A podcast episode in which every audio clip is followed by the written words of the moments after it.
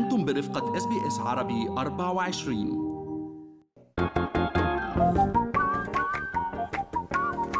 أهلا وسهلا فيكم ببودكاست منوعات من Good Morning Australia أنا فارس حسن ومنجول مع بعض بهذا البودكاست على أخبار منوعة أخبار شغلت مواقع التواصل الاجتماعي من هون ومن خارج أستراليا. الحقيقة ال social media مشغولة باختيار سيدة أم كلثوم بقائمة أعظم 200 مغني. بالتاريخ. حلت مركز 61 في هذه القائمة وهذا التصنيف لنشرته مجلة رولينج ستون الأمريكية لأعظم المغنين حول العالم. إذا بدنا نطلع على قائمة ال top 10 شفنا أريثا فرانكلين بالمركز الأول ويتني هيوستن بالمركز الثاني سام كوك ماريا كاري أيضا بالمركز الرابع أو الخامس ستيفي وندر بيونسي واسماء كثيره هلا الحقيقة مع إنه أم كلثوم الصوت العربي الوحيد بهالقائمة العالمية الا إنه كتار اليوم على ال social media من مغردين العرب ورواد مواقع التواصل الاجتماعي عبروا عن غضبهم من حلولها بترتيب متأخر. والبعض حتى ألمح راح أبعد من هيك وحكى في عنصرية في معايير الاختيار. استغرب البعض إنه نسبة كثير قليلة من الأسماء كانت برا أمريكا وبرا أوروبا. من التعليقات اللي قرأناها أيضا لهذا الصباح لأحد رواد ومستخدمي تويتر إنه أنا مش فاهم الصراحة. ست ام كلثوم خارج التصنيفات وخارج اللوائح والمراتب. واصلا النقاد الأجانب شو دخلهم بالطرب وتقنيات الغناء؟ الشرقي.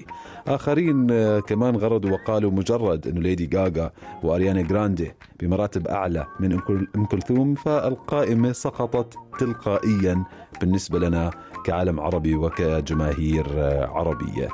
آه، طبعا بغضون ذلك يعني فريق من المعلقين العرب حكوا أنه غياب أسماء عربية لا تقل أهمية عن أم كلثوم زي فيروز وعبد الحليم حافظ وأسمهان. اعتبروا هذا الشيء يعني وهالقائمة عبثية للغاية إنه إحنا حوالي 300 أو 400 مليون آه، عربي ويجب أن يكون لنا صوت أوضح بهذه القائمة. اذا ككل موضوع بنلاقي الآراء انقسمت بين محتفي بهذا الإنجاز وآخرين شافوا إنه يعني بالنسبة لنا أم كلثوم أهم صوت وأعظم صوت عربي ومرتبة 61 مركبة متأخرة للغاية خلينا نروح من هذا الخبر على خبر ثاني نعرف أنه كيليان بابي وأشرف حكيمي أصدقاء. أصدقاء بيلعبوا بنادي باريس سان جيرمان وشفنا أيضا هيك تضامن كبير يعني بينهم بكأس العالم. بعد ما طلعت آه، المغرب وحققت هذا الإنجاز آه، التاريخي. شو عملوا؟ هم حاليا بنيويورك زي ما قلنا لكم بالوقفة الرياضية. حطوا ماسك على وجههم تفاديا لإزعاج المعجبين والراغبين بالتقاط الصور. كانوا أيضا ظهرا الصديقان وهم عم بيتابعوا مباراة بإطار الدوري المحترفين لكرة السلة ال NBA بين بروكلين نيتس وسان أنطونيو سبيرز وقدموا لهم تحية أيضا عبر شاشة عملاقة وسط ترحيب الجمهور. مبابي وحكيمي تخفوا إذا بساحة تايمز سكوير. لأنه كانوا رح يقضوا الوقت هم بلتقط الصور آه، مع المعجبين يعني لو طلعوا بدون آه، تخفي. مقطع فيديو آه، تم تداوله على تويتر بشكل واسع. أظهر اللاعبين وهم عم بيتابعوا عرض راقص وسط حشد من زوار ساحة تايمز سكوير الشهيرة في قلب منهاتن. النجوم بيلاقوا طبعا صعوبة بارتياد الأماكن العامة لأن الناس بيصيروا بدهم يسلموا عليهم ويلتقطوا الصور. وكثير خلال فترة كورونا شفنا مشاهير حكوا هذا ال mask نعمة وإحنا مبسوطين إنه في كمامة. حتى يطلعوا الأماكن العامة بدون ما ينتبه حدا والشيء بالشيء يذكر. بتذكر مقابلة لكاظم الساهر مع منى الشاذلي. كان كتير سعيد إنه بيقدر يروح وين ما بده. كاظم الساهر بدون ما الناس تعرف مين هو ويقدر يمارس حياته. بشكل طبيعي. إذا حكيمي ومبابي الصديقان طبعا كانوا سافروا بوقت سابق من العام الماضي 2022 إلى المغرب واستمتعوا بجمال هذا البلد الرائع.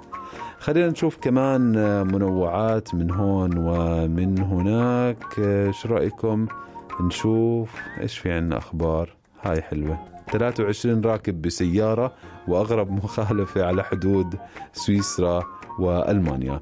الشرطة كثير متفاجئة بعد ما رصدت مركبة على الحدود السويسرية الألمانية يستقلها 23 شخص من نفس العيلة تخيلوا. الشرطة الألمانية ذكرت أنه مسؤول بسلطات الجمركية وقف السيارة اللي بتوسع سبع ركاب ولكن حاملة على متنها 23 فرد. كيف صارت هذا ماشيين على المثل اللي بيحكي بيت الديق بوسع ألف صديق كلهم واسعين مع بعض رايحين من بولندا على العاصمة السويسرية بيرن. الشرطة أكدت في بيان أن المسؤول السويسري انصدم من اللي شافه والأسرة فيها تسعة بالغين حتى ما تفكرهم كلهم يعني كبار تسعة كبار و14 طفل. منعوهم شوي من دخول سويسرا وأخطروا السلطات الألمانية بالواقعة بعد الانتهاء من الإجراءات سمح الأسرة بدخول سويسرا ولكن طبعا منعوهم يتواجدوا جميعهم داخل المركبة بحسب الشرطة. أشارت الشرطة أن سائق السيارة مقيم بسويسرا رح يتلقى غرامة لنقل ركاب داخل سيارته بصورة غير آمنة مطلقا حسب تعبير الشرطة السويسرية. هاي كانت منوعاتنا لهذا الصباح من Good Morning أستراليا إن شاء الله تكونوا استمتعتوا فيها قد ما إحنا استمتعنا فيها وإحنا عم نحكي لكم هالأخبار المنوعة من حول العالم.